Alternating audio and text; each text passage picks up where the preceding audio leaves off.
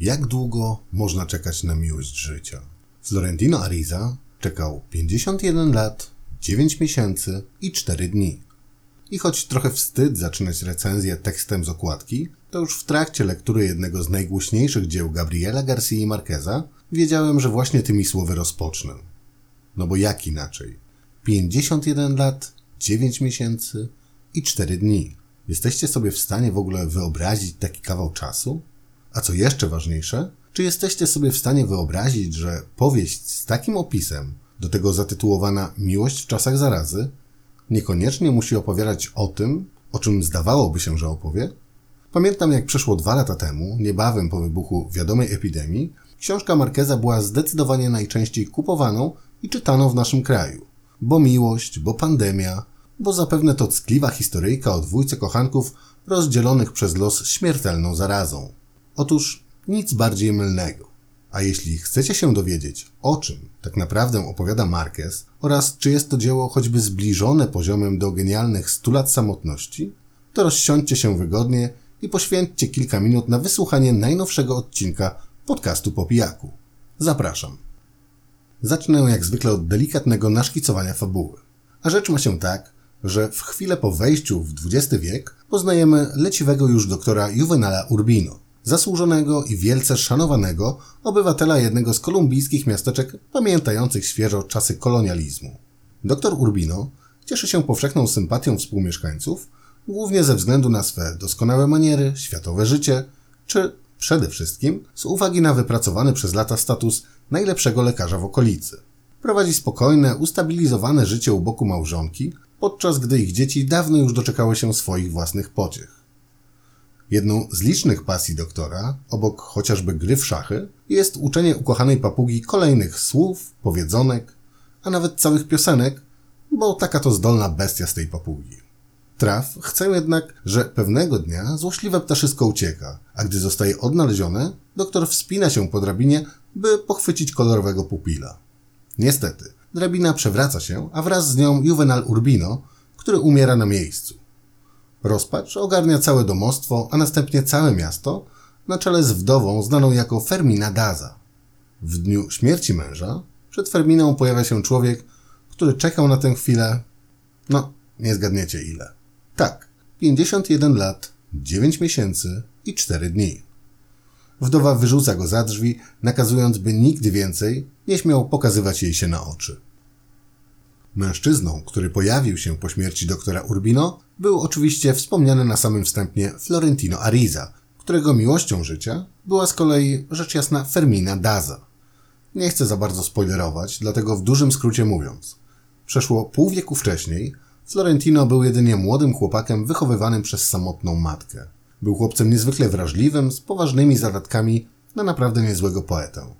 Pewnego dnia zobaczył Ferminę, w której zakochał się z miejsca na zabój. Zaczął wysyłać dziewczynie pełne pasji listy z weznaniami swego uczucia, na które ta, po pewnym czasie, zaczęła odpisywać, by w końcu przyjąć oświadczyny młodego literata. Temu z kolei stanowczo sprzeciwił się pan Daza, czyli ojciec Ferminy, który z rozmysłem zabrał córkę na wielotygodniową wycieczkę, by ta zapomniała o zalotach adoratora.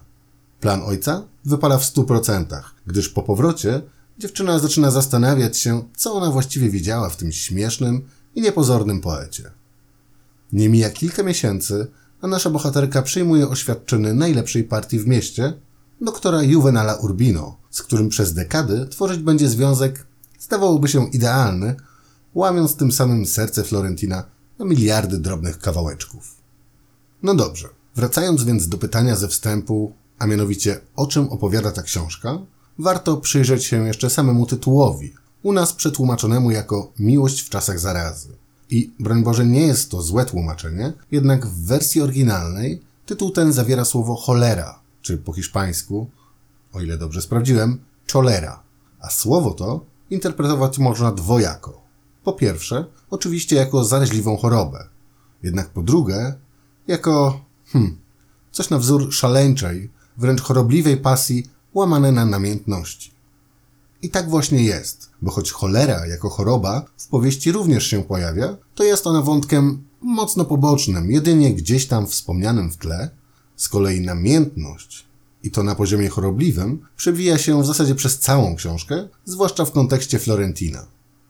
Można więc wysnuć z tego wniosek, że to sama miłość jest właśnie tą chorobą, która potrafi rozłożyć nas na łopatki, jak i tym pierwiastkiem, który pcha nas do przodu i napędza nasze działania. Wracając jednak raz jeszcze do pytania, to nie jest miłość w czasach zarazy opowieścią o dwójce rozdzielonych kochanków, ponieważ po zerwanych oświadczynach Fermina przez wiele lat w zasadzie nie myśli o swym młodzieńczym adoratorze. Czuje się dobrze w małżeństwie, spokojnie i stabilnie. Co prawda brakuje w nim pasji, namiętności i ognia, jest jednak zrozumienie i wspólne poznawanie siebie.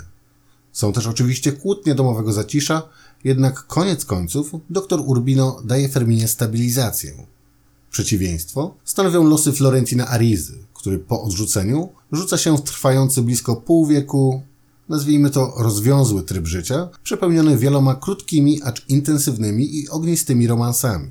Oczywiście nadal ma on duszę poety, a i zawodowo osiąga całkiem poważne sukcesy, jednak nadal żyje marzeniem, że w końcu nadejdzie dzień, w którym raz jeszcze zdobędzie serce Ferminy Dazy. Dużym plusem powieści jest z całą pewnością to, że autor nie feruje wyroków, nie pokazuje nam, który styl życia jest lepszy. Czy spokojna stabilizacja, bez pasji, niemalże koleżeńska relacja z kimś, z kim spędza się całe życie, czy też chwytanie jednej okazji po drugiej i spalanie się w nich całym sobą, aby tylko czuć, że się żyje. Marquez nie mówi, patrz czytelniku, to jest ok, a tamto jest ble. Jest bezstronny, pozwalając odbiorcy zdecydować samemu. Ba, może tak naprawdę nie chodzi wcale o wybór którejś ze stron, a o znalezienie złotego środka, czyli największych zalet jednego i drugiego, że tak powiem, stylu miłości. Dla mnie osobiście największym atutem książki jest niezwykle lekki styl Gabriela Garcia Marqueza. Zdania, a co za tym idzie sama powieść, po prostu płyną. Mamy tu wszystko. Śmiech, łzy, pasję, przekleństwa, opisy stosowania lewatywy i wiele, wiele innych. A wszystko to jakimś niezwykłym sposobem, mówiąc kolokwialnie, trzyma się kupy. Język, mimo iż niektórym może się momentami wydać nazbyt kwiecisty, jest moim zdaniem synonimem inteligentnego, a zarazem dowcipnego pisania prosto z serca, z jakim, poza dwiema najważniejszymi powieściami Marqueza, nie spotkałem się dotychczas nigdzie indziej. A skoro już przy tym wątku jesteśmy, to powoli podsumowując, nie mogę nie wspomnieć o stu latach samotności, czyli innym dziele kolumbijskiego mistrza, które to wywarło na mnie na tyle silne wrażenie, że na chwilę obecną mogę tę powieść śmiało uznać za jedną z lektur mego życia. Przyznam, że w związku z tym Nieco bałem się sięgnąć po miłość w czasach zarazy, bo też i bałem się zepsuć obraz Markeza, jaki ułożyłem sobie w głowie po pierwszej z jego powieści. No bo skoro tamta była tak genialna, to nie ma chyba szans, by facet napisał dwa aż tak wybitne tytuły. I okej, okay, omawiana dziś miłość nie jest lekturą aż tak powalającą jak historia rodu Buendia, jednak z czystym sumieniem i ręką na sercu mogę przyznać, że nadal jest to poziom dla większości pisarzy nieosiągalny.